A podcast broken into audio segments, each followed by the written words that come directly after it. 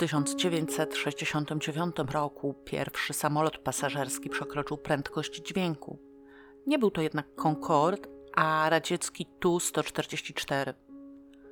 W Nowym Jorku policja dokonała nalotu na pub Stonewall Inn, w którym zbierały się osoby LGBTQ. Czynny opór, jaki stawiono policjantom, dał początek kilkudniowym zamieszkom znanym później jako Stonewall Riots, a te z kolei pierwszym ruchom na rzecz praw LGBTQ. W Monachium dokonano pierwszego w Niemczech przeszczepu serca, po którym pacjent przeżył 27 godzin, a w Chinach zanotowano najniższą w historii temperaturę minus 52,3 stopnia Celsjusza. Polski żeglarz Leonid Teligan na jachcie Opty samotnie okrążył Ziemię, a amerykański astronauta Neil Armstrong jako pierwszy człowiek stanął na Księżycu. W Kalifornii członkowie grupy Rodzina, kierowanej przez Charlesa Mansona, zamordowali Sharon Tate, Jaya Sebringa, Wojciecha Frykowskiego, Abigail Folger, Stevena Parenta oraz Rosemary i Leno Labianka, a w Wielkiej Brytanii telewizja BBC nadała pierwszy odcinek serialu Latający cyrk Monty Pythona. W 1969 roku w Polsce również podjęto próbę transplantacji serca. Niestety, pacjent operowany w Łodzi przez profesora Jana Molla operacji nie przeżył. Lekarz ortopedii Wiktor Dega został pierwszym kawalerem Orderu Uśmiechu. Uchwalono kodeks karny, a do Gdyni powrócił z ostatniego rejsu MS Batory. Sąd wojewódzki w Łodzi skazał na karę śmierci seryjnego zabójcę Stanisława Modzelewskiego, a do użytku oddano maszt radiowo-telewizyjny w Olsztynie, który mając 360 metrów jest obecnie najwyższym obiektem budowlanym w Polsce. Swoją premierę miał film Pan Wołodyjowski w reżyserii Jerzego Hoffmana i Jakuba Goldberga, a w Legnicy i Jeleniej Górze zlikwidowano komunikację tramwajową. W 1969 roku Rzepin I nie był już siedzibą gminy Rzepin, a jedynie zwykłą wsią pod Starachowicami przy drodze wojewódzkiej nr 756 w ówczesnym województwie kieleckim. Wieczorem 2 listopada, w dzień zaduszny, większość jej mieszkańców pochowała się po domach w obawie przed porywistym wiatrem szalejącym nad okolicą. Co prawda, według popularnych wówczas przesądów, to w noc przed zaduszkami, a nie po nich, zmarli księża odprawiają w kościołach msze, na które ze wszystkich stron przybywają duchy, a na stołach należy pozostawić posiłek specjalnie przygotowany dla zmarłych, ale wiadomo, strzeżonego i Pan Bóg strzeże. Żona jednego z mieszkańców Rzepina, Jana Lipy, spała tej nocy wyjątkowo źle. Koło drugiej obudziła się po raz kolejny, przekonana, że coś złego dzieje się na obejściu. Ale mąż burknął, że to wiatr tłucze gałęziami w okno, kazał jej spać, a sam przewrócił się na drugi bok. Lipowa spać nie mogła, owinęła się więc chustą i wyszła odetchnąć na podwórze. I w odległości nie większej niż 150 metrów zobaczyła łunę. W tym momencie we wsi rozbrzmiała syrena miejscowej ochotniczej straży pożarnej i Lipowa uświadomiła sobie, na co patrzy płonął rodzinny dom jej męża. Przeraźliwy krzyk żony Jezus Maria, nasze się palą! Momentalnie obudził Jana Lipę. Bez namysłu rzucił się w stronę pożaru, podczas gdy Lipowa, wciąż krzycząc, budziła resztę rodziny. Kiedy Jan wpadł na podwórze położonego na niewielkim pagórku obejścia, zobaczył, że płonie i dom, i stodoła. Widząc, że dwóch sąsiadów wyważa drzwi do domu od strony ogródka, a między zabudowania wjeżdża już strażacka motopompa, rzucił się otwierać stodołę i wyganiać z niej zwierzęta. W tym czasie sąsiedzi zaczęli wynosić z płonącego domu rodzinę Lipów. Mariannę, Mieczysława, Zofię, Władysława i Krystynę. Wszyscy nie żyli. Wszyscy mieli też widoczne obrażenia od licznych ciosów różnymi narzędziami. Sąsiedzi wiedzieli, że frontowe drzwi domu mają nietypowe zamknięcie, dlatego nawet w chaosie wywołanym pożarem rzucili się wyważać tylne. Dopiero kiedy wpadli do środka, zorientowali się, że frontowe drzwi są otwarte, więc albo do domu wszedł ktoś, kto znał to zabezpieczenie, albo lipowie sami otworzyli drzwi zabójcy. Prawdopodobnie jako ostatnia zmarła najmłodsza z kobiet, Krystyna, ponieważ wynoszący ją z pożaru sąsiad wyczuł jeszcze tętno w jej bezwładnej ręce. Gdy na miejsce dotarły służby, już nie dawało się go wyczuć. Znana i poważana w Rzepinie rodzina Lipów liczyła, jak już wspomniałam, pięć osób. Byli to seniorka rodu, 81-letnia Marianna Lipa, jej synowa, 54-letnia Zofia, jej syn, 45-letni Mieczysław, syn Zofii, a wnuk Marianny, 27-letni Władysław i jego żona, 18-letnia Krystyna, będąca w chwili śmierci w zaawansowanej ciąży. Lipowie nie należeli do najbogatszych gospodarzy we wsi, ale powodziło im się dobrze, bo wszyscy byli oszczędni i pracowici. Znani byli przede wszystkim z tego, że pełnili ważne funkcje. Sołtysem do wybuchu wojny, a przewodniczącym Gromadzkiej Rady Narodowej po wyzwoleniu był nieżyjący już mąż Marianny Lipowej. Po nim urząd objął syn Mieczysław, a po Mieczysławie jego bratanek Władysław. W 1968 roku zlikwidowano Gromadzką Radę Narodową w Rzepinie, a na jej miejsce ponownie powołano sołectwo, sołtysem ponownie wybierając Mieczysława Lipę, który ponadto był członkiem zarządu kółka rolniczego w Rzepinie, a Władysław z kolei należał do ochotniczych rezerw milicji obywatelskiej, czyli niesławnego ORMO. Zofia Lipa nie była żoną Mieczysława. Co stało się z jej mężem i ojcem Władysława, nie udało mi się dowiedzieć, ale najprawdopodobniej zmarł. Mieczysław Lipa miał żonę, którą poślubił niezbyt dawno, bo będąc już po czterdziestce. Jego małżonka również miała na imię Krystyna i nie mieszkała z mężem, a u swojej matki w Rzepinie. Mieczysław i Marianna zajmowali się uprawą niecałych trzech hektarów ziemi. Ponadto Mieczysław dorabiał świadcząc usługi szewskie. Władysław Lipa dysponował około czterema hektarami, prawdopodobnie otrzymanymi w spadku po ojcu. Pracował na etacie w fabryce samochodów ciężarowych w Starachowicach, a pracami rolnymi zajmował się w wolnym czasie. Pod jego nieobecność w polu pracowały jego matka i młodziutka, ciężarna żona. Kiedy sąsiedzi wybiegli do płonącego domu, Mariannę Lipę znaleźli w łóżku. Jej synową Zofię, tuż przy drzwiach wejściowych z sieni do kuchni, co pozwoliło przypuszczać, że to ona zginęła jako pierwsza. Obie kobiety, wiejskim obyczajem, spały w częściach dziennej odzieży. Jedna w spódnicy, druga w swetrze. Syn Marianny, sołtys Mieczysław, leżał w izbie, o kilka kroków od łóżka, na którym sypiał. Jej wnuk Władysław również upadł około 4 metry od małżeńskiego łóżka, które dzielił z niedawno poślubioną Krystyną z domu Jasztal. Ona pozostała na łóżku, mając na sobie cienką, nocną bieliznę. Dom Lipów składał się z kuchni i jednego tylko pokoju, w którym mieszkało wszystkie pięć ofiar. Fakt zamieszkiwania przez pięć osób jednej izby brzmi strasznie, ale jeśli była to izba tej wielkości, że Władysław oddalił się przed śmiercią na cztery metry od łóżka i nadal w niej był, to mam nadzieję, że Lipowie mieli jednak swoje niezbędne minimum intymności. Na głowach, twarzach i klatkach piersiowych wszystkich ofiar widoczne były rany tłuczone i rąbane, pochodzące odpowiednio od narzędzi tempo i ostro krawędzistych. Wobec ich dużej ilości ustalenie bezpośredniej przyczyny zgonu już na etapie oględzin było niemożliwe. Milicyjny zespół oględzinowo-śledczy przybył do Rzepina I o świcie 3 listopada.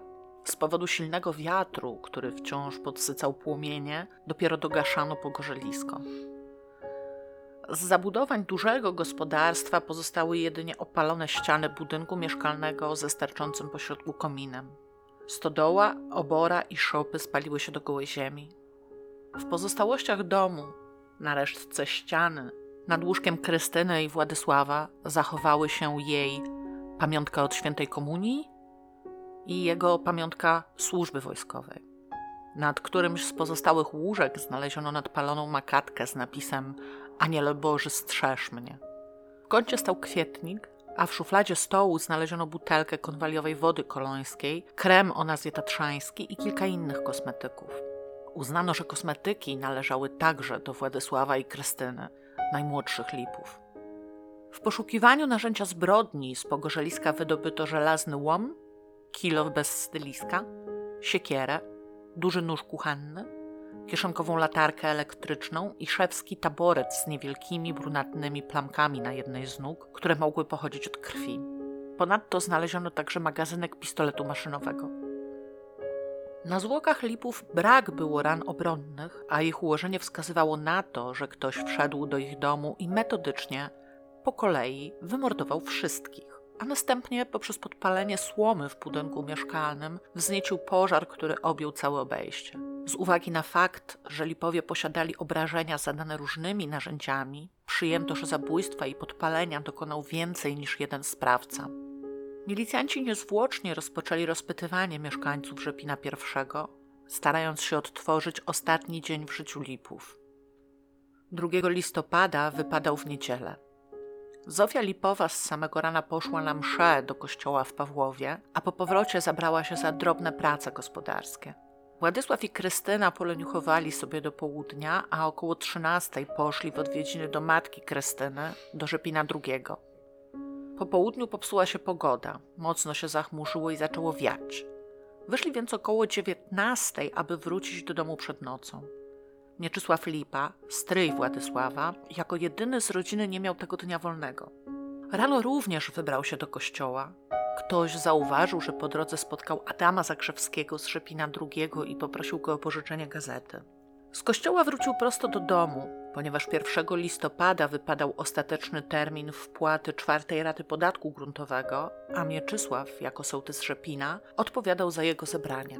2 listopada, pomimo niedzieli, od rana przyjmował wpłaty od spóźnialskich i zapamiętali oni jego życzliwe i spokojne zachowanie się tego dnia. Pod wieczór zamknął swój kantorek i osobiście poszedł po wpłatę do Jana Styki, z którym był na to wcześniej umówiony – Zaniósł mu też przygotowane wcześniej pokwitowanie. Oczywiście było to wbrew przepisom, ale jak mawiano w Rzepinie, z ludźmi trzeba żyć po ludzku. U Jana Styki było już kilku sąsiadów. Mieczysław dosiadł się do nich, razem wypili litr wódki i oglądali telewizję. Był już wieczór, kiedy zdecydował się opuścić towarzystwo i odwiedzić swoją żonę, Krystynę. Niestety w domu jej matki wszystkie okna były już ciemne. Mieczysław wrócił więc do domu styków. Wypił jeszcze kilka kieliszków wódki i kiedy o 23 zakończył się program telewizyjny, pożegnał się, mówiąc, że pójdzie już prosto do domu. Mieczysław Lipa był ostatnią osobą z rodziny, która była widziana żywa. Fakt, że 2 listopada zbierał podatek, wskazywał już na pierwszy motyw, jaki należało wziąć pod uwagę rabunek. Mieczysław przed śmiercią zebrał około 40 tysięcy złotych, z czego do kasy Gromadzkiej Rady Narodowej w Pawłowie zdążył wpłacić tylko 11. Na pogorzelisku znaleziono nienaruszony kwitariusz potwierdzający przyjęcie kwot podatku, a następnie przekazanie ich do kasy Rady. Kilka dni przed śmiercią Mieczysław otrzymał ponadto z banku rolnego 60 tysięcy złotych pożyczki pod planowaną budowę domu, których również nie znaleziono. Z kolei Władysław Lipa, który na co dzień pracował przecież w fabryce samochodów ciężarowych w Starachowicach, zaledwie 31 października pobrał ostatnią pensję i przez dwa świąteczne dni raczej nie miał jak jej wydać. W domu Lipów powinno się więc znajdować ponad 80 tysięcy złotych. Tymczasem dokładne przeszukanie pogorzeliska nie doprowadziło do ich odnalezienia, a badania próbek popiołu wykluczyły możliwość spalenia się większej ilości papieru.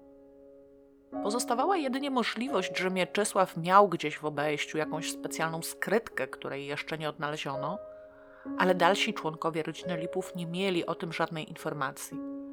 Pomimo szczegółowego przeszukania ruin obejścia Lipów, skrytki takiej nie odnaleziono. Śledczy nie poprzestali jednak wyłącznie na rozpracowaniu wersji rabunku. Szukano kolejnych poszlak, i tak ustalono, że parę dni przed zabójstwami po Rzepinie kręciło się trzech obcych mężczyzn, którzy zachodzili do domów i prosili o jedzenie. Dość szybko ich odnaleziono i potwierdzono, że na noc z 2 na 3 listopada mieli niepodważalne alibi. Wieczorem 2 listopada ktoś z Rzepinian zwrócił uwagę na obcy samochód, który szybko przejechał przez wieś. Śledczy podjęli czynności operacyjne mające na celu przede wszystkim ustalenie, czy owej nocy nie skradziono w okolicy jakiegoś auta. Dość szybko ustalono, że faktycznie obcy samochód przez Rzepin przejechał, ale z zabójstwami nie miał nic wspólnego. Próbowano połączyć zbrodnie na lipach z podpaleniem domu gajowego, do którego tydzień wcześniej doszło w pobliskim Prędocinie. Jego sprawcami mieli być Romowie, którzy po pożarze płacili w sklepie banknotami 500 złotowymi. Bezskutecznie.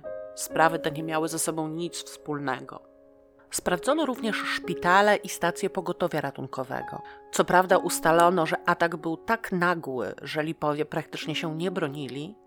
Nie można jednak było wykluczyć czysto teoretycznie, że sprawcy mogli odnieść choć drobne obrażenia. Rozpytano starachowickich taksówkarzy na okoliczność kursów wykonywanych w noc zabójstwa, ale wszyscy wskazani pasażerowie okazali się posiadać alibi. Sprawdzono także pracowników fabryki samochodów ciężarowych, którzy nie stawili się w pracy po zabójstwach w poniedziałek 3 listopada. Wszyscy wykazali się odpowiednim alibi. Sprawdzono nawet mężczyznę, który w tamten poniedziałek był widziany w Starachowicach w świeżo upranych spodniach. Podejrzewano, że mógł usuwać z nich ślady krwi. Na próżno. On również wykazał się posiadanym alibi. Biegli z zakresu badania pożarów na podstawie śladów rozprzestrzeniania się ognia stwierdzili, że jego źródło znajdowało się poza pomieszczeniem mieszkalnym w przylegającej do niego przybudówce pełniącej funkcję wozowni. Nie pozostawiło to śledczym innej możliwości niż przyjęcie wersji podpalenia. Nawet pomimo tego, że nie znaleziono ani przedmiotów, ani materiałów łatwopalnych, które mogłyby być użyte do wzniecenia pożaru. Analiza zeznań świadków wynoszących z płonącego domu zwłoki ofiar wykazała z kolei, że oprócz Zofii wszyscy zostali zaskoczeni w łóżkach i zginęli albo bezpośrednio w nich, jak Marianna i Krystyna, albo w niedalekiej od nich odległości, mając wciąż na sobie nocną odzież, jak Mieczysław i Władysław. Na pogrzebie Lipów było obecnych około 4000 tysięcy osób. Trumny z ciałami ofiar sąsiedzi nieśli na ramionach. Zgodnie z miejscowym zwyczajem, trzy trumny były czarne, a dwie białe. Młodych ludzi chowało się bowiem w białych trumnach. Wobec fiaska czynności operacyjno-śledczych podejmowanych w dalszej okolicy, przeniosły się one z powrotem do Rzepina, gdzie funkcjonariusze starali się zdobyć więcej informacji o rodzinie Lipów, która, jak podkreślali świadkowie, cieszyła się w okolicy ogólnym szacunkiem. Lipowie jak już wiemy, od wielu lat pełnili w Rzepinie funkcję sołtysów. Urząd ten pozostawał w innych rękach tylko przez krótkie okresy czasu. Tak długie i niejako dziedziczne pełnienie tak odpowiedzialnych funkcji związanych z egzekwowaniem podatków mogło wzbudzić w kimś niechęć do rodziny. Choć mieszkańcy Rzepina masowo zaprzeczali takiej niechęci, podkreślając, że Lipowie sami mieli problemy z władzami z powodu swojego zbyt liberalnego stosunku do zalegających z podatkami czy dostawami, że wyraźnie przedkładali dobre stosunki sąsiedzkie nad twardą literę prawa. Sięgnięto więc jeszcze dalej w przeszłość rodziny, do czasów okupacji, ale niestety nie wszystko dało się odtworzyć. Bez wątpienia w tamtym okresie Lipowie należeli do organizacji zbrojnej, ale jakiej? Tego już się nie udało ustalić. Na Kielecczyźnie działało kilka organizacji, zarówno Armia Krajowa, jak i Armia Ludowa, bataliony chłopskie i Narodowe Siły Zbrojne. Tu i ówdzie wspominano, że Mieczysław Lipa mógł w okresie okupacji wykonywać wyroki na zdrajcach, ale nie odnaleziono nikogo, kto miałby na ten temat jakąś pewną wiedzę. Nie było także wiadomo, aby w okresie okupacji w okolicach Rzepina doszło do jakiegoś zdarzenia, za które po latach ktoś chciałby się mścić. Przesłuchiwano świadków także na okoliczność relacji wewnątrz rodziny. W końcu, kiedy pięć osób mieszka w jednym, niezbyt dużym domu, a konflikty nie trudno. Jedyny jednak, jakiego istnienie można było przypuszczać, to powtarzana tu i ówdzie plotka, że Zofia Lipowa szczerze nie znosi żony szwagra i to z jej powodu Krystyna nadal mieszka u swojej matki. Z drugiej jednak strony Mieczysław, mąż Krystyny, wciąż prowadził z Zofią rodzinne gospodarstwo i porozumiewali się w jego sprawach bardzo dobrze. Władysław pracował w Starachowicach i na gospodarce pomagał jedynie dorywczo, a jego młodziutka żona, pomimo zaawansowanej ciąży, wciąż starała się być pomocna przy drobniejszych pracach. Owszem, kłócili się, jak każda rodzina, ale nie mieli między sobą napięć na tyle długotrwałych, żeby dały się zauważyć przez sąsiadów. W sumie we wszystkich wersjach sprawdzono alibi 150 osób, głównie mieszkańców Rzepina, gdyż wersja rabunkowego motywu zabójstwa wciąż pozostawała na pierwszym planie, a to oni mieliby ewentualną wiedzę o ilości gotówki przechowywanej w domu Lipów. Ustalono, że alibi na noc z 2 na 3 listopada nie ma jedynie 12 osób. Z uwagi na fakt, że zabójstwa musiała dokonać więcej niż jedna osoba, wśród tej dwunastki uwagę śledczych od razu przyciągnęli mieszkańcy Rzepina II. 64-letni Józef Zakrzewski oraz jego dwóch synów, 40-letni Czesław i 22-letni Adam. Józef i Czesław pracowali na roli. Adam był monterem w fabryce samochodów ciężarowych w Starachowicach, tej samej, w której pracował Władysław Lipa. Józef Zakrzewski i jego żona Helena mieli jeszcze córkę, Zofię, ale ta była zamężna i mieszkała w innej wsi. Czesław Zakrzewski również był żonaty i miał trójkę własnych dzieci. Wraz z żoną mieszkał u jej matki, ale i tak większość czasu spędzał w gospodarstwie rodziców. Mieszkańcy, inaczej niż o Lipach, o rodzinie Zakrzewskich nie mieli dobrej opinii. Było wiadomo, że kradną drewno z lasu. Starszy z synów Zakrzewskiego, Czesław, miał mieć zarówno jakieś postępowanie o kradzież mieszkaniową, jak i zatarg z Mieczysławem Lipą. Z całej trójki miał on też najbardziej wątpliwe alibi. Twierdził bowiem, że 2 listopada wrócił bardzo późno, więc nie chcąc budzić żony i teściowej, przespał się w szopie. Lipowie uskarżali się już wcześniej sąsiadom, przede wszystkim na Józefa Zakrzewskiego, który wyjątkowo niechętnie odnosił się do płacenia podatków oraz wykonywania obowiązkowych wówczas dostaw płodów rolnych. 3 listopada 1969 roku Zakrzewscy byli winni władzom około 7 ton płodów i około 400 kg żywca. Czwartego Józef Zakrzewski spłacił tą zaległość kwotą ponad 11 tysięcy złotych. Znalazł się świadek, który zeznał, że kiedy cały Rzepin biegł na pomoc do płonącej zagrody Lipów, widział Czesława Zakrzewskiego idącego pospiesznie w przeciwną stronę, od obejścia sołtysa przez pole w stronę lasu. Nie powiedział o tym podczas pierwszego przesłuchania, bo nie wydawało mu się to istotne, ale zapytany wprost o Zakrzewskich, od razu przypomniał sobie o tym spotkaniu. Inny świadek 3 listopada, a więc rankiem po zbrodni na Lipach, widział Czesława i Adama Zakrzewskich udających się spokojnie do Starachowic celem zakupu nowej wialni do zboża. Zakrzewscy trzymali się od zawsze na uboczu, tak więc nikt nie był zdziwiony, że nawet po pożarze nie włączyli się w życie wsi. Być może jednak próbowali, kiedy przywieziono do Rzepina trumny z ciałami ofiar, Józef Zakrzewski właśnie przejeżdżał swoją furmanką i, jak to on, mrukliwie zaproponował, że powiezie gdzie trzeba. Miejscowi zakrzyczeli go jednak i ponieśli trumny na ramionach. Chodziło im o to, żeby godnie uczcić pamięć lipów, a nie przewozić ich furmanką jak zwykły towar. W pogrzebie ofiar uczestniczyli obaj bracia Zakrzewscy. Adam nawet pomagał nieść jedną strumien. Zdziwiło to Rzepinian, Wszak cała wieś wiedziała o sporze jego rodziny z rodziną ofiar, ale uznano, że najwyraźniej w obliczu tragedii doszło do zakopania starych uraz. Po kilku miesiącach od zbrodni Józef Zakrzewski spotkał się z Jasztalową, matką Krystyny Lipowej. Wciąż mówiła ona o śmierci swojej córki i jej rodziny i wydawało się, że zupełnie nie może oderwać od tego myśli na wyrażoną przez nią po raz kolejny nadzieję, że poszukiwania sprawców postępują, Zakrzewski odparł flegmatycznie. Jak dotąd nie znaleźli, to i nie znajdą.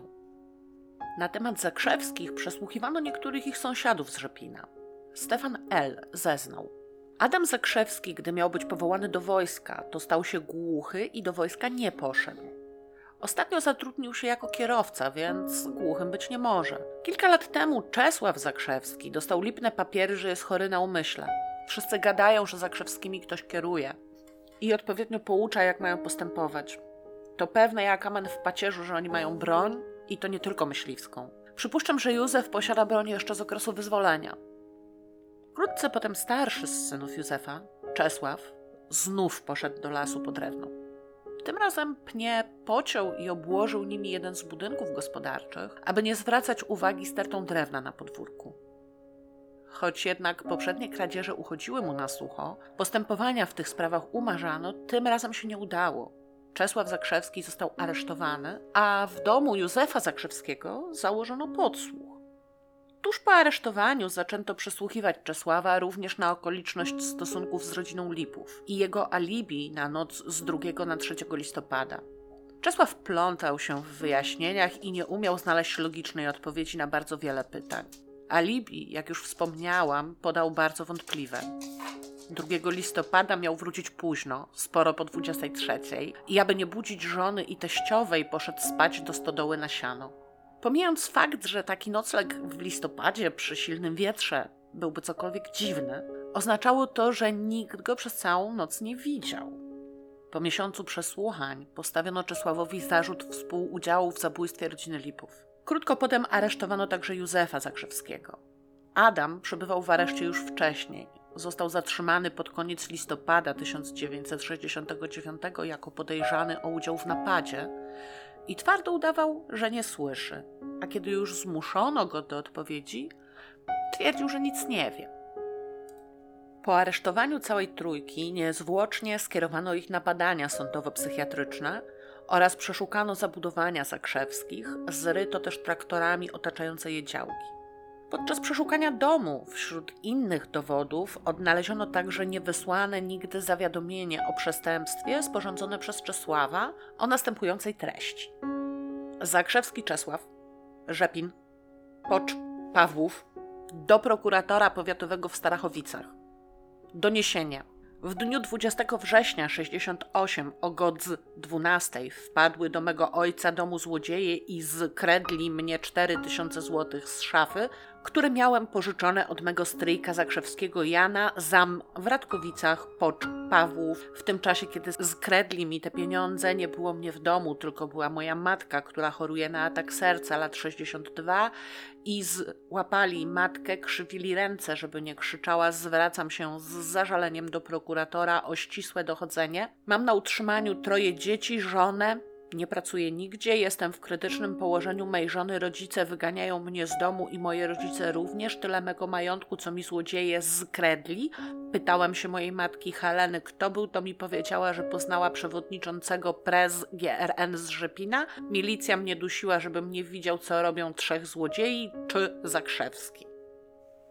Pomijając już fakt, że pismo to jest idealnym dowodem na zaniedbania edukacyjne w rodzinie Zakrzewskich, dość dobrze obrazuje też ich stosunek do Władysława Lipy, bo to on był wówczas przewodniczącym Gromadzkiej Rady Narodowej w Rzepinie i prawdopodobnie po prostu przyszedł wyegzekwować podatki.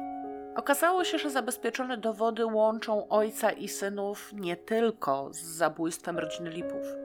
W trakcie przeszukania znaleziono również niemiecki karabin Mauser kalibru 7,92 mm o numerze 6128 wraz z amunicją? I rosyjski rewolwer typu Nagant kalibru 7,62 mm o numerze 873-84. Po sprawdzeniu okazało się, że odłamki pocisku z karabinu Mauser znalezionego w rzeczach Czesława Zakrzewskiego zostały znalezione przy zwłokach zamordowanego w 1954 roku w Michałowie Bolesława Hartunga oraz zamordowanego 10 maja 1960 roku w Rzepinie Jana Borowca. Zaś po zdaktyloskopowaniu podejrzanych że odcisk palca tego samego Czesława zabezpieczono 13 grudnia 1957 roku w Trzeszkowie na miejscu zabójstwa sołtysa Jana Żaczkiewicza, według niektórych źródeł Jerzego Zaczykiewicza. Czesława skonfrontowano z faktem, że spieszący do pożaru u Lipów świadek, zresztą strażak Ochotniczej Straży Pożarnej, widział go oddalającego się od jej zabudowań Odparł, że strażak to podły człowiek, bo nie mówi tego, co byłoby dla niego, Czesława, dobre, tylko to, co złe. Chcąc uprawdopodobnić, że strażak zeznaje przeciwko niemu z zemsty, przyznał się do kradzieży mleka na jego szkodę. Tylko, że takiej kradzieży nie było. Podejrzanego poinformowano również, że podczas przeszukania zabudowań jego rodziców znaleziono małą siekierkę z krótkim trzonkiem drewnianym i wyszczerbionym ostrzem, Zapytany, czy użył jej podczas zabójstw Lipów, Czesław padł na kolana i zaniósł się krzykiem: Jezusie Maryjo, ja tam nie był, Jezusie, twoje rany nie pomogą, widzisz co robią, tam był front, rżnęli nożami, krew bryzgała po ścianach. A potem szybko się uspokoił i uwagi o krwi już nie wyjaśnił. Śledczy dość szybko zorientowali się, że Czesław przyznał się do mniejszego przestępstwa, aby uniknąć pytań o lipów. Kiedy mu o tym powiedzieli, zaczął dla odmiany symulować chorobę psychiczną. Podczas najbliższego przesłuchania przez prawie pół godziny jedynie płakał i powtarzał: Boję się, żona mnie bije. Kiedy odprowadzano go po przesłuchaniu do celi, kurczowo wczepiał się w marynarkę eskortującego go oficera. Kilka razy z pokoju przesłuchań czołgał się do celi, kilka innych udawał niemowę i na nic nie reagował. Milicjanci postanowili przeczekać jego nową taktykę. O dziwo, Czesław skapitulował dość szybko.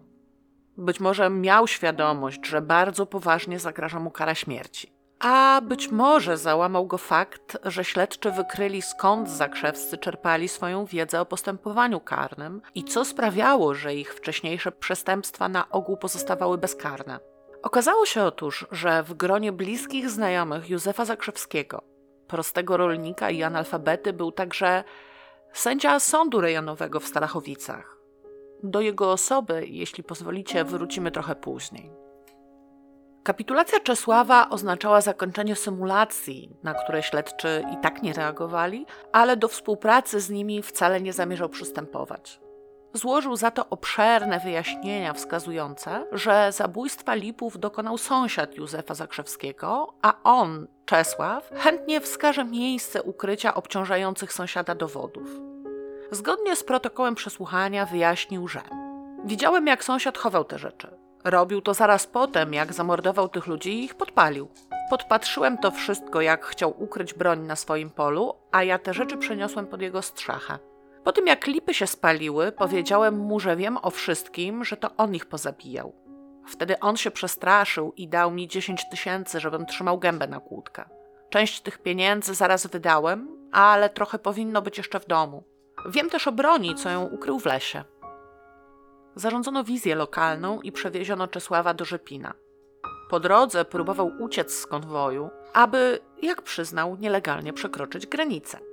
W rosnącym na terenie sąsiada dębie wskazał dziuplę, w której istotnie ukryte były damskie pończochy, jak się później okazało należące do Krystyny Lipy, rękawiczka i zegarek. W pobliskim lasku wskazał z kolei krzew, spod którego wykopano zawiniątko z pistoletem, karabinem i maską na twarz wykonaną z czarnej tkaniny. Współpraca z władzami napełniła Czesława poczuciem dobrze spełnionego obowiązku, w związku z którym oczekiwał darowania wszystkich kradzieży, zwolnienia z aresztu i przyznania nagrody. Jak napisał w liście do prokuratora.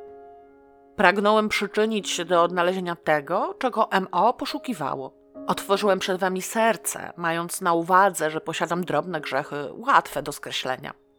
Sąsiad Zakrzewski był znaleziskiem szczerze zdziwiony. Zeznał, że po raz pierwszy w życiu widzi te przedmioty, a pomówiony przez Czesława został zapewne dlatego, że stosunki z jego rodzicami nigdy mu się dobrze nie układały, sprzeczali się praktycznie o prawie wszystko.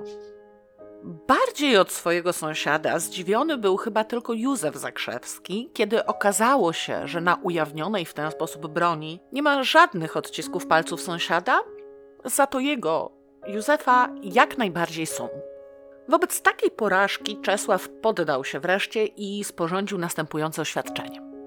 Zakrzewski Czesław z Józefa, więzień śledczy KWM w Kielcach, dnia 13 lipca 1970, godzina 17. Oświadczenie.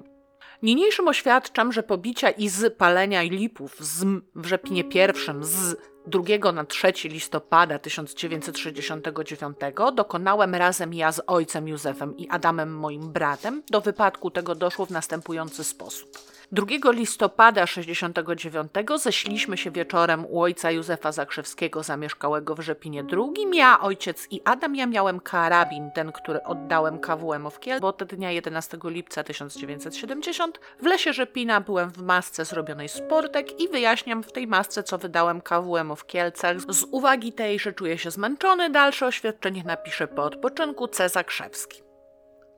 Było to pierwsze oficjalne przyznanie się do winy Czesława, wcześniej zrobił to już jednak w sposób całkowicie nieoficjalny.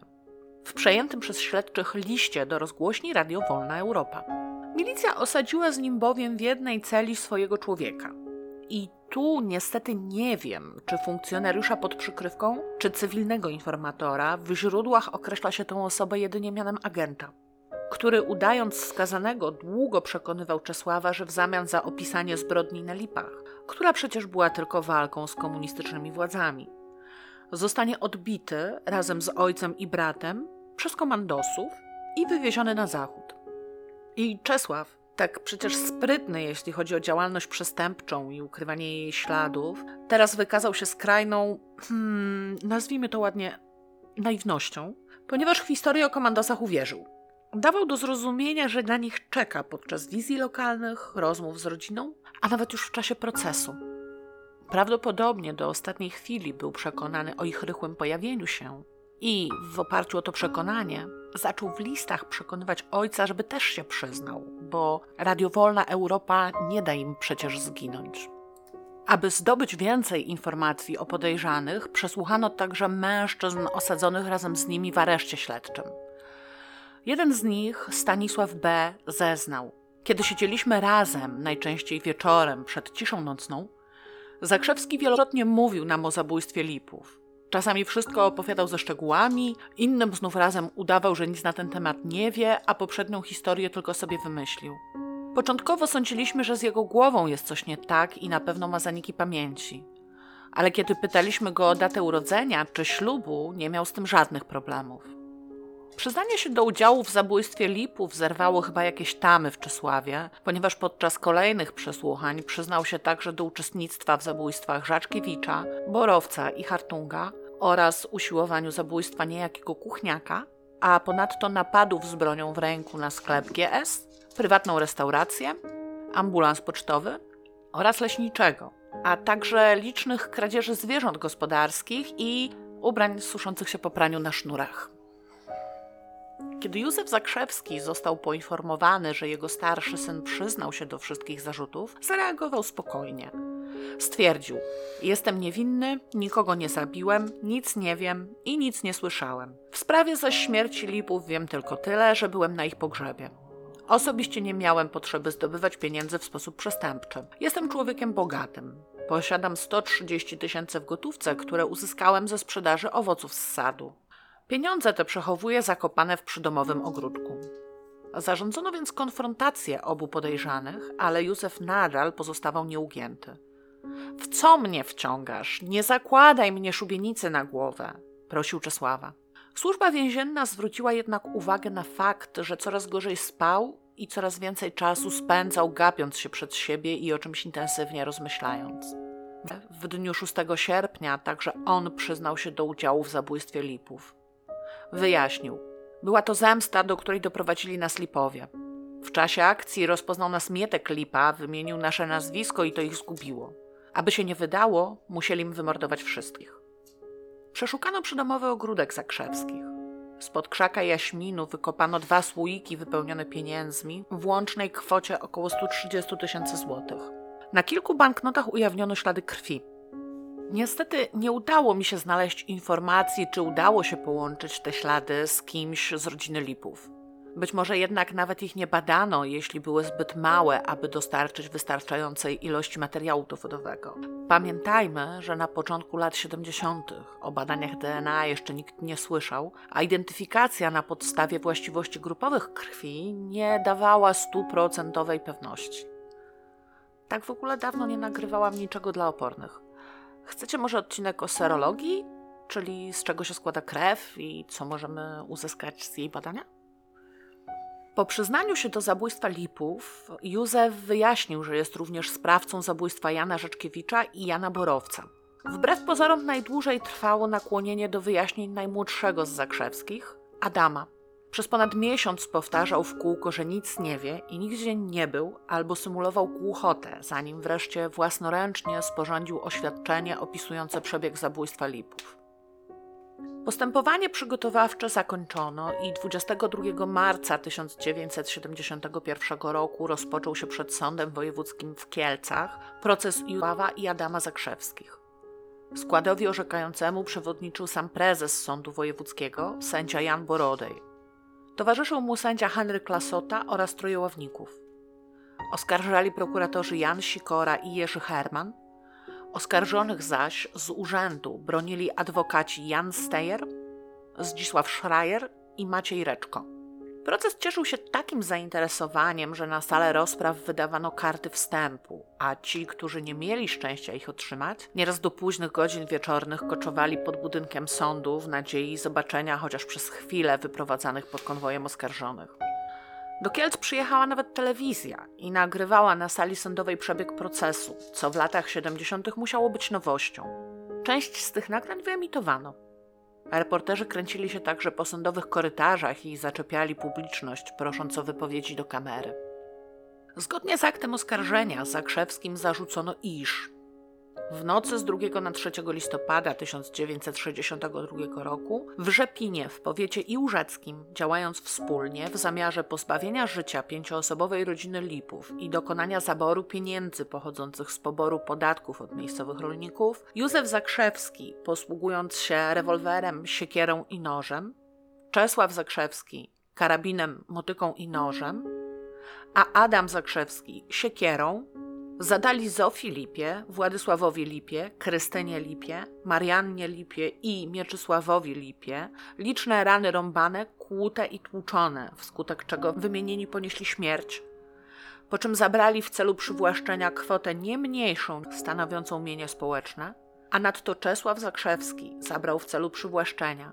Trzy pary pończoch damskich, dwie pary męskich rękawiczek ze skóry, kilka kłębków wełny i zegarek wartości 600 zł na szkodę rodziny Lipów. Po dokonanych zabójstwach podpalili zabudowania mieszkalne i gospodarcze rodziny Lipów, które spłonęły. Ponadto Józefowi i Czesławowi Zakrzewskim prokuratura zarzuciła zabójstwo Bolesława Hartunga, Jana Rzeczkiewicza i Jana Borowca oraz trzy napady rabunkowe z użyciem broni palnej i nielegalne tejże broni posiadanie – Adam Zakrzewski usłyszał zarzut dokonania wspólnie z bratem Czesławem kradzieży mienia prywatnego, a Czesław Zakrzewski indywidualnie osiem kolejnych zarzutów, w tym usiłowanie zabójstwa Jana Kuchniaka i jego rodziny poprzez podpalenie ich zabudowań w porze nocnej. Wśród przedstawionych sądowi dowodów rzeczowych zabezpieczonych podczas przeszukania u Zakrzewskich znalazły się m.in. kłębki białej owczej wełny przędzonej w domu, które brat Władysława Lipy rozpoznał jako własność jego żony, Krystyny. Miała ona podczas wizyty u szwagra podzielić się tą wełną z jego żoną, aby każda z nich mogła sobie zrobić sweterek. Był też znaleziony w dziupli dębu sąsiada zegarek marki Stołeczny, własność Władysława. W spalonym obejściu lipów odnaleziono jego metryczkę. Złodzieje nie zwrócili jednak uwagi na fakt, że podczas pobytu w wojsku kolega chciał zrobić Władysławowi psikusa i wymalował mu na cyferblacie tego zegarka kwiatki. O dziwo, Władysławowi pomysł się bardzo spodobał i z radością nosił swój zegarek w różyczki, które teraz jego brat zidentyfikował. Jako pierwszego do złożenia wyjaśnień sąd wezwał Czesława. Wywołało to zdziwienie, ponieważ obecni na sali spodziewali się, że przesłuchanie zacznie się od Józefa – Czesława to, że po raz pierwszy w życiu wystąpił gdziekolwiek przed ojcem, zaskoczyło do tego stopnia, że przyznał się do wszystkich zarzutów, obciążając przy tym ojca i brata. W związku z tym, że jego wyjaśnienia trwały 3,5 dnia, miał jednak czas, aby się opamiętać i wszystko odwołać, w ostatecznej wersji zapomniał nawet, czy kiedykolwiek przyznał się do popełnienia jakiegokolwiek zabójstwa. W następnej kolejności przesłuchano Józefa. Już pierwszego dnia odwołał on wszystkie wyjaśnienia złożone w śledztwie i do niczego się nie przyznał, twierdząc: Stali nade mną, to i takim mówiłem. Drugiego dnia zmienił jednak zdanie i przyznał się do dokonania wraz z Czesławem wszystkich zarzucanych im czynów. Młodszy syn, Adam, miał być niewinny. Z racji zbyt młodego wieku nie mógł uczestniczyć w trzech zabójstwach z lat 50., natomiast w obejściu Lipów miało go w ogóle nie być. Adam również odwołał złożone w śledztwie przyznanie się do współudziału w pięciokrotnym zabójstwie i podpaleniu i, dla odmiany, zdania już nie zmienił, do końca obstając przy swojej niewinności. W końcu skrętych wyjaśnień Zakrzewskich udało się jednak odtworzyć przebieg nocy z 2 na 3 listopada. Mniej więcej w tym czasie, kiedy Mieczysław Lipa zbierał się do Janastyki, a Władysław i Krystyna Lipowie żegnali się z teściami, Czesław Zakrzewski przyszedł do domu rodziców, w którym mieszkał też jego brat. Ponieważ Adam tego dnia zaraz po powrocie z pola i zjedzeniu kolacji położył się i zasnął, Czesław wzbudził go i polecił nigdzie już nie wychodzić na robotę. I Adam, który teraz bez przerwy powtarzał, że nie było go w obejściu lipów, został w domu i po prostu dalej spał. Około 22 Czesław wrócił i ponownie go obudził, mówiąc, że teraz pójdą do lipów po pieniądze. Adam próbował protestować, tłumacząc bratu, że od cudzych pieniędzy lepsze są te zarobione. Czesław pozostał niewzruszony i dość pogardliwie odpowiedział: Nie będę się cały miesiąc wieszał na samochodach jak ty, mogę za 10 minut zarobić 2000. W końcu Adam przyznał, że strach mu iść, ale Czesław nie dał się przekonać i znów kazał wstawać, a potem poszedł do kuchni do ojca. Kiedy Adam po kilku minutach wszedł do kuchni, zobaczył, że ojciec robi coś ze swoim rewolwerem, a Czesław czyści karabin. Przestraszony tym widokiem miał krzyknąć: Matko boska, kochana, co wy robita? Jak się wyda, to matka zostanie sierotą. Na co Józef miał mu flegmatycznie odpowiedzieć: Nie wyda się. Do obejścia lipów poszli osobno. Józef razem z Adamem, być może aby ojcowskim autorytetem powstrzymać go przed ucieczką, Czesław zaś oddzielnie. Wszyscy trzej założyli maski. Czesław z dziecięcych spodenek, a Józef i Adam z pończoch. Spotkali się dopiero na pagórku, koło zabudowań. Czesław wręczył Adamowi przyniesioną siekierę. Sam miał karabin i nóż, a Józef rewolwer i kolejny nóż. Adam jeszcze próbował przekonywać, że jest zbyt silny wiatr, ale Józef odpurknął mu, że właśnie dzięki temu będzie się lepiej paliło. Cicho weszli na teren gospodarstwa Lipów. Wiatr pomagał, tłumiąc ich kroki. Przez małe okienko kolejno weszli nicy, przeszli przez nią i wydostali się na podwórze. Weszli do stajni, odwiązali konia i wyprowadzili go na zewnątrz. Zwierzę obdarzone niespodziewaną wolnością zaczęło kręcić się i parskać. Zakrzewscy czekali, aż ktoś wyjdzie z domu, żeby sprawdzić, co się dzieje. Po kilku chwilach rozległy się kroki i w drzwiach domu pojawiła się Zofia Lipowa. Czesław szepnął dziabnij, a wtedy ze stajni wybiegł Adam, zamachnął się i uderzył ją obuchem siekiery w głowę. Do domu pierwszy wbiegł Józef Zakrzewski i w sieni natknął się na zaspanego Władysława Lipę. Zaczęli się szarpać. Wyglądało na to, że Zakrzewski nie poradzi sobie z młodszym i sprawniejszym Władysławem, więc krzyknął: Czesiek, ratuj! Czesław nadbiegł, uderzył Władysława w głowę kolbą karabinu, a Józef pchnął go wówczas nożem. Kiedy Adam dotarł do domu, zobaczył, że ojciec trzyma na muszce rewolweru Mieczysława Lipę i wygraża mu, żądając pieniędzy. Mieczysław próbował tłumaczyć, że żadnych pieniędzy w domu nie ma, ale Józef zakrzyczał go, że przecież ludzie wpłacali podatek gruntowy. Mieczysław skapitulował. Podszedł do łóżka swojej matki, Marianny, i zaczął wyciągać pieniądze. Słabo już widząca staruszka pytała, co to, kto to? Na co syn odpowiedział jej, to są zakrzewscy, mamo. I w ten sposób wydał rodzinę na śmierć. Nie zdając sobie z tego sprawy, znalezione w silniku pieniądze spokojnie położył na stole. Adam zagarnął paczkę pieniędzy do kieszeni i pobiegł do stodoły po słomę. Kiedy wrócił, Mieczysław Lipa leżał już na podłodze, twarzą w dół, a Marianna jęczała na swoim łóżku. Z pokoju, gdzie spała Krystyna, dobiegały odgłosy uderzeń i sapanie Józefa. Adam zaczekał na ojca i wyszli razem a Czesław został, żeby dobić motyką Zofię i Mariannę, a potem podpalić dom Lipów. Kiedy płomienie strzeliły w górę, jego brat i ojciec byli już w domu, a jego samego zauważył świadek, kiedy szedł pospiesznie przez pole od strony domu sołtysa. Składając wyjaśnienia, Adam nadal wypierał się udziału w zbrodni. Wyjaśniał, że kiedy zbliżali się do zabudowań Lipów, rozszczekał się pies, a on przestraszył się i zawrócił do domu. Józef podtrzymał jego wersję, wołając do sądu: Ja winien i winien Czesiek! Adama tam nie było! Czesław jednak zeznawał przeciwko bratu, opisując szczegółowo jego udział w zabójstwach. Józef Zakrzewski stanął przed sądem w niechlujnej granatowej marynarce, trzymając w dłoniach czapkę. Oprócz zaprzeczania udziałowi Adama w zbrodni, na wszystkie pozostałe pytania odpowiadał krótko: Nie. Nie chodził do Lipów, nie znał ani Jana Rzeczkiewicza, ani Jana Borowca, nawet nie wiedział, że zostali zamordowani. Wobec przesłuchującego go przewodniczącego składu, sędziego Borodeja, był ustępliwy i ugodowy. Na pytanie, słuchajcie Zakrzewski, w śledztwie mówiliście co innego. Flegmatycznie odpowiedział, pytały, to i mówiłem. Ale Czesław też mówił w śledztwie i teraz, w czasie rozprawy, obciążał was. Twierdził, że byliście u Lipów, u Borowca, u Rzeczkiewicza. A niech tam mówi. Będę się z nim bił. Dopiero kiedy przewodniczący przypomniał, że Czesław obciążał również Adama, którego ojciec tak bardzo starał się uchronić przed odpowiedzialnością, Józef okazał jakieś emocje. Bardzo mął dłonie na barierce miejsca dla świadków i po raz kolejny powtórzył, że Adama u Lipów nawet nie było. A potem, jakby dla zatarcia tego wrażenia, nagle rzucił się w kierunku stołu, na którym wyłożono dowody rzeczowe, m.in. siekierę, motykę i noże. Osadzony na miejscu przez konwojujących milicjantów, wyjaśnił, że chciał sobie pożyczyć bateryjkę, bo na sali tyle światła. Zapewne chodziło mu o oświetlenie na potrzeby nagrania telewizyjnego, że on też chciał sobie poświecić. Potem zmienił zdanie i stwierdził, że chciał sobie obejrzeć beret. Następnego dnia przesłuchanie przejął sędzia Lasota, drugi z zawodowych sędziów w składzie. Chciał kontynuować wątek, pytając, więc jak to było z Adamem?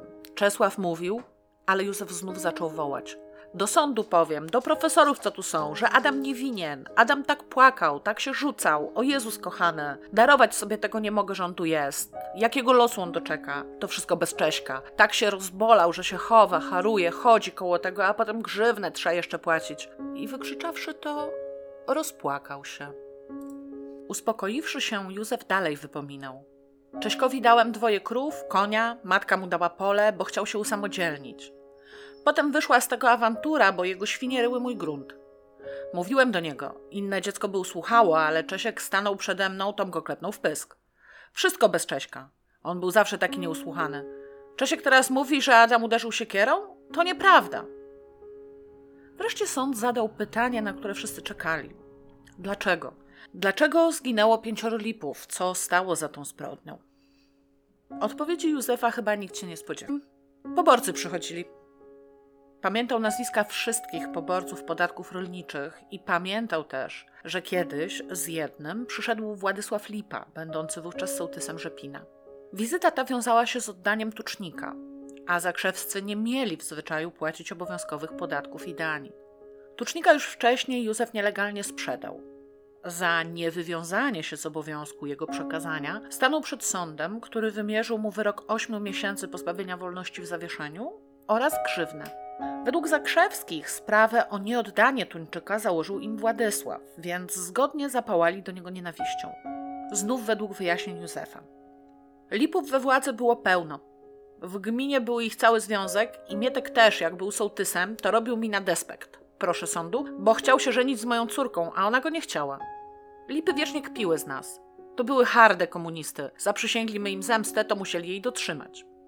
Józef w swoich wyjaśnieniach dość długo wyliczał krzywdy doznane od Lipów, zapewne równie prawdziwe jak despekt uczyniony zalotami do jego córki, a kończąc wyjaśnienia wyznał. Patrzę, proszę sądu, na to nieszczęście ludzkie. Nie mogę myśleć o Lipach. To nieszczęście widzę na swoich dzieciach. Być może pod wpływem ojca Czesław spojrzał na brata i stwierdził: Adam nie jest winien. Obciążałem go, bo miałem na niego złość. Po wyjaśnieniach oskarżonych nadeszła pora na zeznania świadków. Ci, którzy stawili się przed sądem, mówili mało i niechętnie, ale kiedy zadawano im precyzyjne pytania, nie unikali odpowiedzi, ani nie zasłaniali się niepamięcią. Z zeznań świadków wyłonił się specyficzny obraz rodziny Zakrzewskich. Przede wszystkim w sezonie owocowym Józef co tydzień jeździł na targ w Starachowicach z dostawami, a gdy warunki dopisały, wyciągał z hektara sadu około 20 tysięcy złotych rocznie. Oprócz sadu, wraz z żoną gospodarował na ośmiu morgach ziemi, w zależności od przelicznika mogło to być od 3 do 6 hektarów pola. Adam, jedyne dziecko mieszkające jeszcze z rodzicami, ze swojej fabryki w Starachowicach przywoził około 3000 zł miesięcznie. Na trzy osoby kwoty te wystarczały w zupełności i w niczym nie usprawiedliwiały niewywiązywania się przez rodzinę z obowiązków podatkowych. Było ich stać, ponadto Józef potrafił także do swoich podstawowych zysków z ziemi dorobić. Hodował konie, miał dużą bryczkę, Żadne wesele w Rzepinie nie obyło się bez jego zaprzęgu. Józef i Czesław, oprócz niechęci do rozstawania się z pieniędzmi, wyróżniali się także mrukliwością i nietowarzyskością. Józef rzadko kiedy odpowiadał nawet na sąsiedzkie dzień dobry. Obaj nie przyjmowali gości, ani też nigdy sami nie chodzili do sąsiadów. Być może dlatego, żeby nikt w Rzepinie nie dowiedział się, co tak naprawdę dzieje się w rodzinnym domu Zakrzewskich, a nie działo się tam dobrze. Czesław chciał się usamodzielnić, ale Józef mu nie pozwalał i żelazną ręką kierował całym gospodarstwem, również rzekomo podarowaną Czesławowi ziemią. Kiedy Czesław nie zgadzał się z decyzją ojca, dostawał w twarz. Kiedy się ożenił, Józef kilkukrotnie uderzył także jego żonę. Adam przyznał, że ojciec go ostrzegał przed Czesławem. Miał mówić: Nie chodź, Adaś, w kawalerkę wieczorem, bo cię Czesiek gdzie kiedy ubije. Adam uważał, że Czesiek nie traktował uczciwie ojca i matki. Często wywoływał awantury, bo chciał już objąć, przeznaczył ją dla Adama i dla niego odkładał pieniądze. Najmłodszy syn był zarazem jego ukochanym dzieckiem, czy też raczej jedynym, któremu tą miłość okazywał. Jednak ojca i najstarszego syna łączyły dwie cechy charakteru. Obaj byli łasi na pieniądze i przeczuleni na punkcie uszczuplania własnego majątku. Obaj też łatwo popadali w zajadłą nienawiść, zwłaszcza wobec osób, które według nich faktycznie ten majątek uszczuplały. Tak jak, uważali, zrobił to Władysław Lipa. Józef i Czesław Zakrzewscy przewijali się zarówno w zeznaniach świadków, jak i aktach dochodzeń policyjnych w wielu drobniejszych sprawach, najczęściej kradzieży, jakie miały miejsce w ostatnich latach w Rzepinie. Do jednej z nich, napadu pod koniec listopada 1969 roku, Adam został nawet tymczasowo aresztowany. Najgorszą opinię z oskarżonej trójki w Rzepinie miał Czesław, uważany przede wszystkim za agresywnego brutala. Mieszkańcy wciąż pamiętali mu, że kiedy złapał w ojcowskim sadzie sześcioletniego chłopca, który przyszedł kraść jabłka, siłą zaciągnął wyrywające się dziecko do chlewika i tam zamknął ze świniami na kilka godzin. Po tym zdarzeniu chłopiec zaczął się jąkać. Mówiło się też, że napotkawszy gdzieś przy drodze śpiącego miejscowego pijaka, Czesław obciął mu ucho, po czym wszedł do gospody, pokazał je zgromadzonym i oświadczył: Ładny był, to teraz będzie ładniejszy. Po czym zamówił wódkę. O ile historia o chłopcu w chlewiku została przed sądem potwierdzona zeznaniami świadków, o tyle nie wiem, czy udało się udowodnić historię z mężczyzną bez ucha. Ale nawet jeżeli była tylko plotką, dużo mówi o samym Czesławie fakt, że tworzono o nim takie plotki. Tajemnicą Poliszynela dla całego Rzepina pozostawał on i często chodzili uzbrojeni. Zaraz po wojnie ogłoszono amnestię, w ramach której można było dobrowolnie zdać całą broń lub wskazać miejsce jej ukrycia, jeśli się o jakimś wiedziało. Józef uznał jednak, że to jego to nie dotyczy i ukrył w obejściu kilka sztuk broni, głównie rewolwerów, z których nadal korzystał. Zapytany o motyw zabójstwa Lipów, Czesław, nieco odmiennie niż jego ojciec, stwierdził, że poszli odebrać od nich pieniądze. Te, które Józef musiał zapłacić jako grzywne za niedostarczenie tuńczyka. Oskarżonych w trakcie przewodu sądowego przesłuchano także na okoliczność zarzutów zabójstw Bolesława Hartunga, Jana Rzeczkiewicza i Jana Borowca. Zarzutami tymi objęci byli tylko Józef i Czesław. Adam miał wówczas raptem kilka lat i nie mógł uczestniczyć z ojcem i bratem w tych zbrodniach. Przesłuchanie Czesława na temat wcześniejszych zabójstw sprawiło, że mózg mi wypadł. W swoim reportażu pani Maria Osiadacz zanotowała następujący dialog. Dlaczego zabiliście Hartunga? To był zły człowiek. Dlaczego zły? Była rewizja, przyszedł jeden taki podobny. Zakrzewscy mieli wówczas budować nowy dom. Na podwórzu leżało drewno na budowę. Wraz z funkcjonariuszami milicji obywatelskiej dokonać rewizji przyszedł jeden cywil, podobny do Bolesława Hartunga. I to właśnie on zakwestionował drewno jako kradzione. Budowę domu wstrzymano. Nikt z Zakrzewskich nie zaprzeczył, że drewno faktycznie było kradzione. Znacznie bardziej istotne dla nich było to, że musieli je oddać. Choć rewizja miała miejsce w latach 40. i Józef i Czesław szukali człowieka, który zabrał im drewno cały czas. Zapomnieli już, jak wyglądał, ale wciąż go nienawidzili. W końcu w 1954 roku doszli do wniosku, że Bolesław Hartung przypomina im tego, którego szukali. Został więc znaleziony 7 czerwca 1954 roku na drodze ze Starachowic do Ostrowca z sześcioma ranami postrzałowymi. Mężczyźnie, który go znalazł, zdążył powiedzieć, że został zaatakowany przez trzech mężczyzn, po czym zmarł. Sprawców jego zabójstwa poszukiwano głównie wśród osób podejrzanych o nielegalne posiadanie broni palnej. Z tego grona aresztowano nawet dwie osoby, ale nie przyznały się one do winy, więc z braku dowodów zostały zwolnione. Bolesław Hartung w żadnej rewizji u Zakrzewskich nie uczestniczył. Dlaczego zamordowaliście Rzeczkiewicza? To był też zły człowiek. Co wam zrobił Rzeczkiewicz? Okazało się, że przynajmniej tym razem ofiara faktycznie miała wcześniejszy kontakt z zabójcami. Jan Rzeczkiewicz jako sołtys musiał wyegzekwować zaległe dostawy. W tym celu z obory zakrzewskich wyprowadził młodego byczka. Ponieważ zwierzę szarpało się, okręcił mu szyję łańcuchem. 13 grudnia 1957 roku małoletnia córka odnalazła zwłoki Rzeczkiewicza w jego własnej studni z szyją okręconą łańcuchem. Józef i Czesław Zakrzewscy przyznali się do tego, że go tam wepchnęli. Przecież mieli powód. Według słów Józefa, Rzeczkiewicza zabiłam dlatego, że ten jako przewodniczący Gromadzkiej Rady Narodowej dokuczał ludziom, mordował ich, zakładał kołchozy i dlatego mu się to należało. Wyciągnęli go więc siłą z domu. Okręcili mu głowę ręcznikiem, szyję łańcuchem, dźgnęli kilkukrotnie bagnetem w plecy i wrzucili do studni. Inaczej przedstawiała się sprawstwa Jana Borowca. W nocy z 15 na 16 maja 1960 roku, jak wyjaśniał Józef Zakrzewski, w nocy około drugiej poszli z Czesławem do obejścia Borowców. Było ciemno, wszyscy już spali, nie paliło się żadne światło. Czesław zapukał w okno i kiedy zaspany głos spytał: Kto tam? krzyknęli, że przychodzą z zębami. W Rzepinie nie było bowiem dentysty i kiedy komuś bardzo dokuczał ból zęba, zgłaszał się do Borowca na wyrwanie. Słysząc, że chodzi o zęby, Borowiec od razu wyszedł, żeby pomóc. Po chwili rozmowy z nocnym gościem został dźgnięty nożem w pierś, a następnie dobity strzałem z pistoletu. Na dźwięk wystrzału pani Borowcowa wybiegła z domu i zobaczyła jeszcze, jak jej mąż biegnie, potykając się przez podwórze. Wtedy rozległ się drugi strzał i Jan Borowiec upadł. Dlaczego zabiliście Borowca?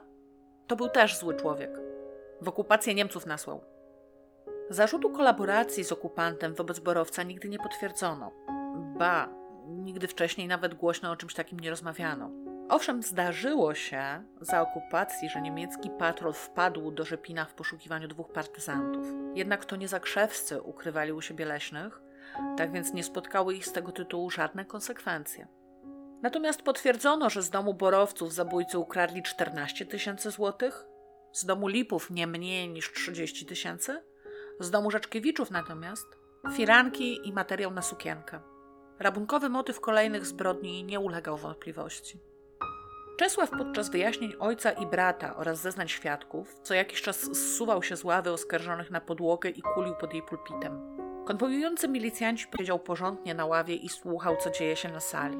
Kiedy zaś sędzia polecił mu założyć maskę z tkaniny, jak sam powiedział, sportek, znalezioną we wskazanej przez niego dziupli w dębie sąsiada, odmówił, twierdząc, że byłoby mu duszno. Co prawda nigdy publicznie nie stwierdzono, że Czesław podczas rozprawy powrócił do symulowania zaburzeń psychicznych, ale publiczność była zgodna, że tylko udaje i pomruki tej treści za każdym razem dobiegały z sali. Niemniej, tak jak czułą stroną Józefa Zakrzewskiego był jego młodszy syn, tak Czesława matka. Kiedy do więzienia dotarła wiadomość o tym, jak bardzo jest ona szykanowana przez mieszkańców Rzepina, Czesław napisał do prokuratury. Zakrzewski Czesław z Józefa, AS w Łodzi, do Urzędu Wiceprokuratora Wojewódzkiego w Kielcach. Prośba. Zwracam się z prośbą do prokuratora, aby moja matka miała opiekę, aby jej żywcem nie dokuczał szwagier Mieczysław i szwagier Marianna, zam w Jadownikach. Moja matka nie jest winna i o niczym nie wiedziała, a dzisiaj została bez żadnej opieki i znęcają się nad moją matką tak szwagier Marianna, jak i zięć szwagier Mieczysław mej matki. Prosiłbym, aby pan prokurator był łaskaw wydać zarządzenie przez MO, co się dzieje z moją matką. Ja boleję bardzo z tego, że moja matka nie ma opieki. Żona moja w liście pisze, że sobie życie odbierze. Szkoda mi tych malutkich dzieci, że ich taki los spotkał. Prosiłbym słownie pana prokuratora i jeszcze zwracam się z prośbą, aby moja matka i moje dzieci miały opiekę i nikt się nie znęcał nad nimi. Ja z tej rozpaczy nie wiem, co mam z sobą zrobić. Łódź 9 lutego 1971 roku, Zakrzewski. List ten zaczerpnęłam z książki pana Bogusława Sygita. Jak pewnie zauważyliście, w nim Marianną, podaje też jej nazwisko po mężu, szwagier. Jest to jedyne źródło, w jakim napotkałam takie dane tej osoby, dlatego też zdecydowałam się użyć w stosunku do niej imienia Zofia, które pojawia się w większej ilości źródeł. Helena Zakrzewska, żona Józefa oraz matka Czesława i Adama, zmarła krótko po rozpoczęciu procesu. Po aresztowaniu męża i synów zamknęła się w domu i nikt jej we wsi więcej nie widział. Nie powstrzymało to jednak mieszkańców przed podchodzeniem pod obejścia Zakrzewskich, rzucaniem kamieniami w okna i wznoszeniem okrzyków Zakrzewskich na szubienicę oraz wyśpiewywaniem na ludową melodię specjalnie ułożonej przez jakiegoś anonimowego twórcę piosenki o następujących słowach. Wśród ciszy nocnej i świata burzy Józef Zakrzewski, chłopak nieduży, tęgawy w barach, straszny bandyta, pomyślał sobie z lipami kwita. Mówi do synów, chłopcy, idziemy, rodzinę lipów wymordujemy. Dom podpalimy, forsę weźmiemy i ślady zbrodni też zakryjemy. Bierze rewolwer oraz dwa noże. Czy też się cofnie, któż wiedzieć może, Czesław siekierę, Adam motykę i już widzimy bandycką klikę. By zniszczyć Lipów rodzinne plemię, Czesław, szef bandy daje natchnienie i chociaż w piersiach skacze mu dusza, na bój bandycki pierwszy wyrusza. Kroczy odważnie, jak gestapowiec, i tak się skrada jak wilk do owiec. Gdy już przybyli wszyscy do celu, Czesław powiedział: Jest nas niewielu i póki mamy dobrą ochotę, bierzmy się szybko za tę robotę. Wydaje rozkaz. Szybko, do dzieła. Już się z tą babką Adam rozgrzewa. Błysnęły nad nią dwa ostre noże i babka pada jak snopek zboża. Stary z Adamem chyc do chałupy i już po chwili leżą dwa trupy. Stary powiada ćwiartujmy ciało. Bardzo dokładnie wyrachowane były tortury przez nich zadane. Lecz gdy wtargnęli już do pokoju, Czesław zażądał chwilę postoju. Podszedł do Mietka w ręku ze spluwą.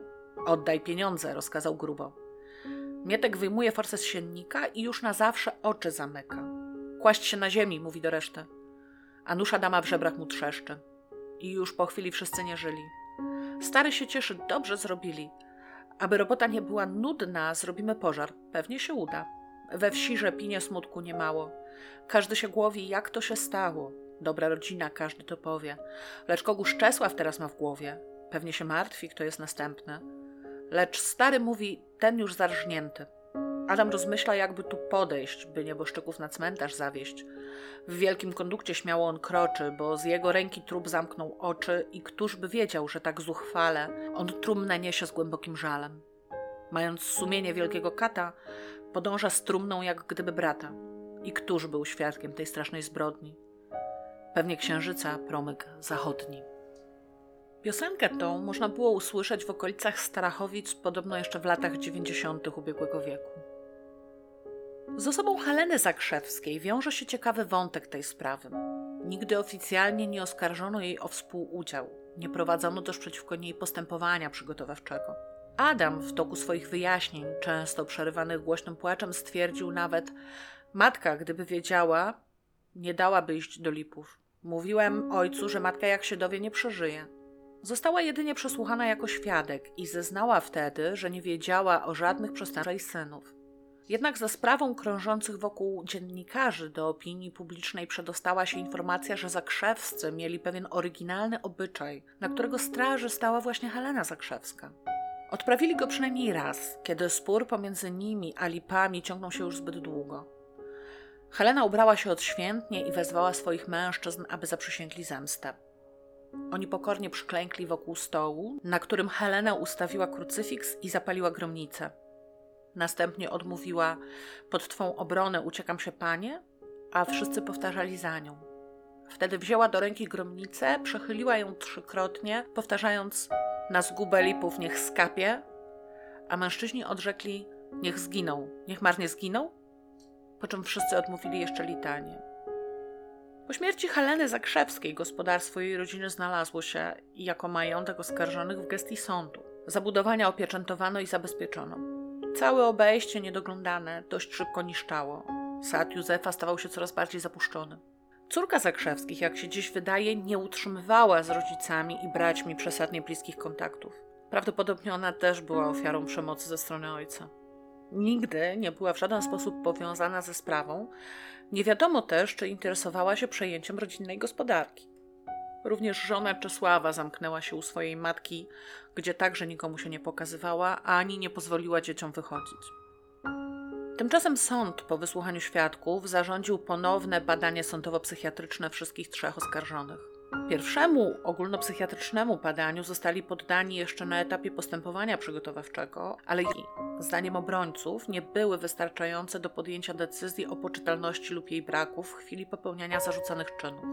Sąd do wniosku obrońców przychylił się i skierował Józefa, Czesława i Adama na badania do trzech różnych szpitali psychiatrycznych. Obserwacja miała rozpocząć się 22 czerwca 1971 roku i wszyscy trzej, do tego dnia na pozór zdrowi psychicznie i fizycznie, już w transporcie zaczęli zachowywać się jak ludzie skrajnie wyczerpani. Oczywistym było, że musieli oni odczuwać wiele emocji, w tym przede wszystkim strach przed przyszłością, ale zaczęły one rzutować na ich stan fizyczny dokładnie od 22 czerwca 1971 roku. Józef Zakrzewski został skierowany na obserwację do Państwowego Szpitala dla Psychicznie Chorych w Pruszkowie. Jak myślicie, kto w imieniu opiniującego go zespołu biegłych przyjechał do Sądu Wojewódzkiego w Kielcach złożyć opinię? Oczywiście, że dr Felix Kaczanowski. O tym, dlaczego wyjątkowo nie ufam temu panu jako biegłemu, mówię dużo w odcinku Dwóch Józefów, a uzupełniam w odcinku Zbrodnia i.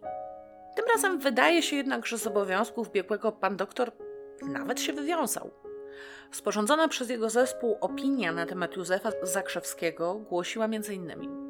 Stwierdzono niepokój ruchowy, objawiający się szczególnie przy omawianiu faktów dotyczących sprawy Zakrzewskich. Józef Zakrzewski, ojciec, nie wypowiadał się spontanicznie, nawet deklarował słabą pamięć, demonstrując to plątaniem faktów bieżących. Szczególnie charakterystyczna jest ta faza badań, w której padają pytania na temat kontaktów rodzinnych. Biegli wskazali, że, podobnie jak w trakcie składania wyjaśnień przed sądem, Józef zareagował wyraźnym napięciem na pytania o los synów. Zapytano o Adama, rozszlochał się, ucałował rękę lekarza i zadeklarował ponownie: Adam jest niewinny. Zapytany o Czesława odparł: Czesiek był niesłuchliwy, to było niedobre dziecko. Najwyraźniej tylko los Adama, spadkobiercy majątku, był dla niego ważny i nadal, całując lekarzy po rękach, próbował wybłagać jakąś możliwość jego polepszenia. We wnioskach końcowych biegli stwierdzili: Aczkolwiek mamy do czynienia z człowiekiem pamiętliwym, myśliwym, chytrym i skrytym, to przecież nie można mówić o tym, czy uczucia wyższe są u niego w zaniku. Oczywiście jest to uczuciowość wyższa tego rodzaju, którą by można nazwać uczuciowością na niższych piętrach, ale jest ona adekwatna do jego poziomu intelektualnego i do tego, co wyrosło w nim w kontaktach z tym środowiskiem, w jakim się wychował. Cóż, pytanie sądu dotyczyło poczytalności oskarżonego, a nie tego, czy był zdolny do kochania kogokolwiek, choćby na swój własny sposób. Jak widać, dr Kaczanowski był, sporządzając tę opinię, w bardzo dobrej formie. Ale obrońca Józefa Zakrzewskiego skorzystał z okazji i spytał go: A może to tylko uczuciowość archaiczna? Kaczanowski odparł: Nie. To uczuciowość wyższa, aczkolwiek może się ona wydawać człowiekowi będącemu na wysokim poziomie intelektualnym i moralnym nieco za uboga. W konkluzji opinii biegli odnieśli się jednak wprost do pytania sądu, stwierdzając, że w momencie popełnienia zarzucanych czynów Józef miał zdolność rozeznania swoich czynów i kierowania własnym postępowaniem. Był poczytalny. Czesława Zakrzewskiego skierowano na obserwację do Grodziska Mazowieckiego. Udałam się na szybkie spotkanie z Googlem, żeby stwierdzić, dokąd dokładnie. Nie znalazłam żadnych przydatnych informacji, więc przypuszczam, że ówczesny szpital psychiatryczny został dzisiaj wchłonięty albo przez szpital w Pruszkowie-Tworkach, albo przez szpital zachodni w Grodzisku Mazowieckim. W każdym razie w imieniu badających wówczas Czesława biegłych przed sądem stanął dr Adam Różycki. Według jego relacji Czesław podczas całego pobytu realizował przyjętą wcześniej linię obrony. Nie chciał nawiązywać kontaktu z lekarzami, za to bez problemu nawiązywał go z innymi pacjentami, ale tylko wtedy, kiedy wydawało mu się, że nikt nie patrzy. Współpacjentom sporo opowiadał o swojej sprawie i procesie. Kiedy wykonano u niego odmę mózgową, czyli spowodowano pojawienie się w jamie jego czaszki powietrza w celu lepszego zobrazowania struktur mózgu, demonstracyjnie cierpiał z powodu do dolegliwości fizycznych, ale znów kiedy wydawało mu się, że nie jest obserwowany, zachowywał się normalnie, a noce przesypiał spokojnie. Przed wykonaniem odmy zresztą dokładnie wypytał o cały przebieg zabiegu i wyraził na niego dobrowolną zgodę.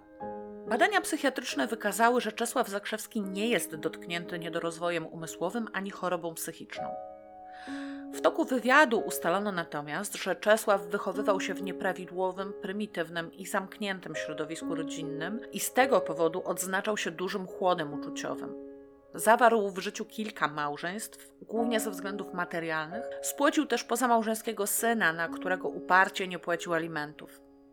Okazywał otwartą niechęć Adamowi, który został mianowany spadkobiercą ojca jeszcze za jego życia. Z rodziną, zamiast uczucia, łączyła go głównie solidarność przestępcza. Jak zeznał dr Różycki, stwierdzono uczuciowości wyższej. Obniżenie jednak tej uczuciowości nie świadczy o chłodzie uczuciowym właściwym dla schizofrenii. Jego mściwość i okrucieństwo to cechy osobowości. uszkodzenie centralnego układu nerwowego, które wykazało badanie pneumoencefalograficzne, jest tylko nieznaczne i nie potwierdzają go inne badania. Czesław Zakrzewski jest osobnikiem encefalopatycznym z odchyleniami od normy charakterologicznej, ale na podstawie tych badań i ich wyników nie można wyciągnąć wniosku, aby poczytalność jego była chociażby częściowo ograniczona. W konkluzji stwierdzono, że także Czesław Zakrzewski miał zdolność rozpoznania znaczenia swojego czynu, kierowania swoim postępowaniem, a więc w chwili popełnienia zarzucanych zbrodni był poczytalny. Sąd zapytał, a jego zachowanie w toku procesu? A spontaniczne wyjaśnienia, albo na odwrót, milczenie, powtarzanie pytań, niemożność nawiązania rzeczowego kontaktu? Doktor Różycki odpowiedział: Jest to wyraz przybranej postawy obronnej. Badający stwierdzili w toku badań symulację, zachowanie teatralne, będące też próbą odgrodzenia się od mówienia o sprawie, od nawiązania kontaktów. Adam Zakrzewski badany był w Oleśnicy. Prawdopodobnie w tamtejszym zakładzie karnym, który mieścił w sobie także szpital psychiatryczny dla skazanych z niepsychotycznymi zaburzeniami osobowości. Nie znalazłam nazwiska biegłego, który przedstawił sądowi opinię na jego temat, być może dlatego, że był on funkcjonariuszem służby więziennej. Według opinii Adam symulował najmniej i najkrócej. Podawał jedynie, że cierpi na upośledzenie słuchu, co miało go uchronić od odpowiadania na kłopotliwe pytania. Kiedy badaniem lekarskim ograniczenia słuchu zaczął się zachowywać normalnie. Jako jedyny spośród trójki oskarżonych przejawiał podczas pobytu na obserwacji jakieś zainteresowania. Trochę czytał, często rozmawiał z pacjentami i personelem na neutralne tematy. Adama Zakrzewskiego w wyniku obserwacji sądowo-psychiatrycznej również uznano za w pełni poczytalnego. Jak już wspomniałam, w toku śledztwa ustalono, że do grona bliskich znajomych Józefa Zakrzewskiego należał sędzia sądu rejonowego w Starachowicach Stanisław W. To on był odpowiedzialny za tak skuteczne unikanie przez Zakrzewskich kary za wcześniejsze przestępstwa. To on także już podczas śledztwa w sprawie zabójstwa Lipów poinformował Józefa, że w jego domu zainstalowano podsłuch. Za te działania został w osobnym, niejawnym procesie wydalony ze stanu sędziowskiego i skazany na 4 lata pozbawienia wolności. W sprawie Zakrzewskich nie został wezwany na świadka, choć przewodniczący składu, sędzia Borodej, miał niewątpliwie jakąś wiedzę o jego osobie, bo kilkukrotnie pytał oskarżonych o różne sytuacje z nim związane, określając go jako kumotra. Czesław w trakcie swoich wyjaśnień powiedział m.in. Na ławie oskarżonych nie ma tego, który jest winien i złość się z rozpaczy wylewa. A potem dodał, że ów kumoter był agentem wolnej Europy, i wraz z ojcem złożyli mu przysięgę na wierność, kładąc ręce na trupiej czaszce. Podczas przeszukania u Zakrzewskich znaleziono także nigdy nie wysłany list, jaki Czesław napisał do przebywającego w areszcie Adama. W liście tym znalazły się dwa fragmenty. Pisałeś, żeby ci wystawić adwokata, aby były papiery, to się nie martw, do Marysi to pisać nie pisz listów. Oraz Chodzę do Marysi jak wobec faktu, że w rodzinie Zakrzewskich, ani wśród ich bliskich, nie było żadnej kobiety imieniem Marysia. Śledczy założyli, że pod tym imieniem Zakrzewscy ukrywali właśnie swojego kumotra Stanisława W. i że wszyscy byli zaangażowani we współpracę z nim i czerpali z niej korzyści. Jakie korzyści natomiast mógł wynieść sędzia z ochraniania trzech prostych, słabo wykształconych, za to zdeterminowanych i okrutnych chłopów? Odpowiedź powinna się znajdować w aktach jego procesu. Tylko, że te uległy zniszczeniu. Prawdopodobnie zostały spalone. Niektórzy autorzy piszący o sprawie wprost dopuszczają możliwość, że to Stanisław W. był inspiratorem lub nawet zleceniodawcą zbrodni zakrzewskich i ich rękami załatwiał swoje interesy. Co się z nim stało po odbyciu kary? Nie wiadomo. 28 czerwca 1971 roku Sąd Wojewódzki w Kielcach ogłosił wyrok. Józefa i Czesława Zakrzewskich uznał winnymi zabójstwa pięcioosobowej rodziny Lipów oraz Jana Rzeczkiewicza i Jana Borowca. A za czyny te wymierzył im łącznie karę śmierci oraz utratę praw publicznych na zawsze. Sąd uznał, że nie udało się udowodnić oskarżonym zarzutu zabójstwa Bolesława Hartunga. Adam Zakrzewski został uznany za winnego napadu na Zofię Lipę poprzez uderzenie jej siekierą w głowę, ale dalszy jego udział w wydarzeniach w obejściu Lipów został przez sąd uznany za mniejszy niż ojca i brata. Uznano także, że działał pod wpływem Józefa i Czesława, więc został skazany na karę 25 lat pozbawienia wolności. Sąd Najwyższy utrzymał ten wyrok w mocy, a Rada Państwa nie skorzystała z prawa łaski. W lutym 1972 roku w więzieniu przy ulicy Montelupich w Krakowie wykonano wyroki śmierci na Józefie i Czesławie Zakrzewskich. Ich śmierć załamała Adama. Był szykanowany i źle traktowany od samego początku swojego pobytu w zakładzie karnym, rzadko kiedy próbował się przed tym bronić. Po kilku latach w więzieniu popełnił samobójstwo przez powieszenie. Żona Czesława Zakrzewskiego oficjalnie zmieniła tożsamość swoją i dzieci i nie wiadomo jak dalej potoczyły się ich losy. Sad Zakrzewskich wyrąbano, sprzęty rozkradziono, aż wreszcie budynki także rozebrano. Po majątku, dla którego popełniali swoje zbrodnie, dziś już nie ma śladu. Nadal jednak zachowały się, a przynajmniej zachowane były w 2015 roku, ruiny gospodarstwa Lipów. Cały teren porosły jednak wysokie krzewy i drzewa.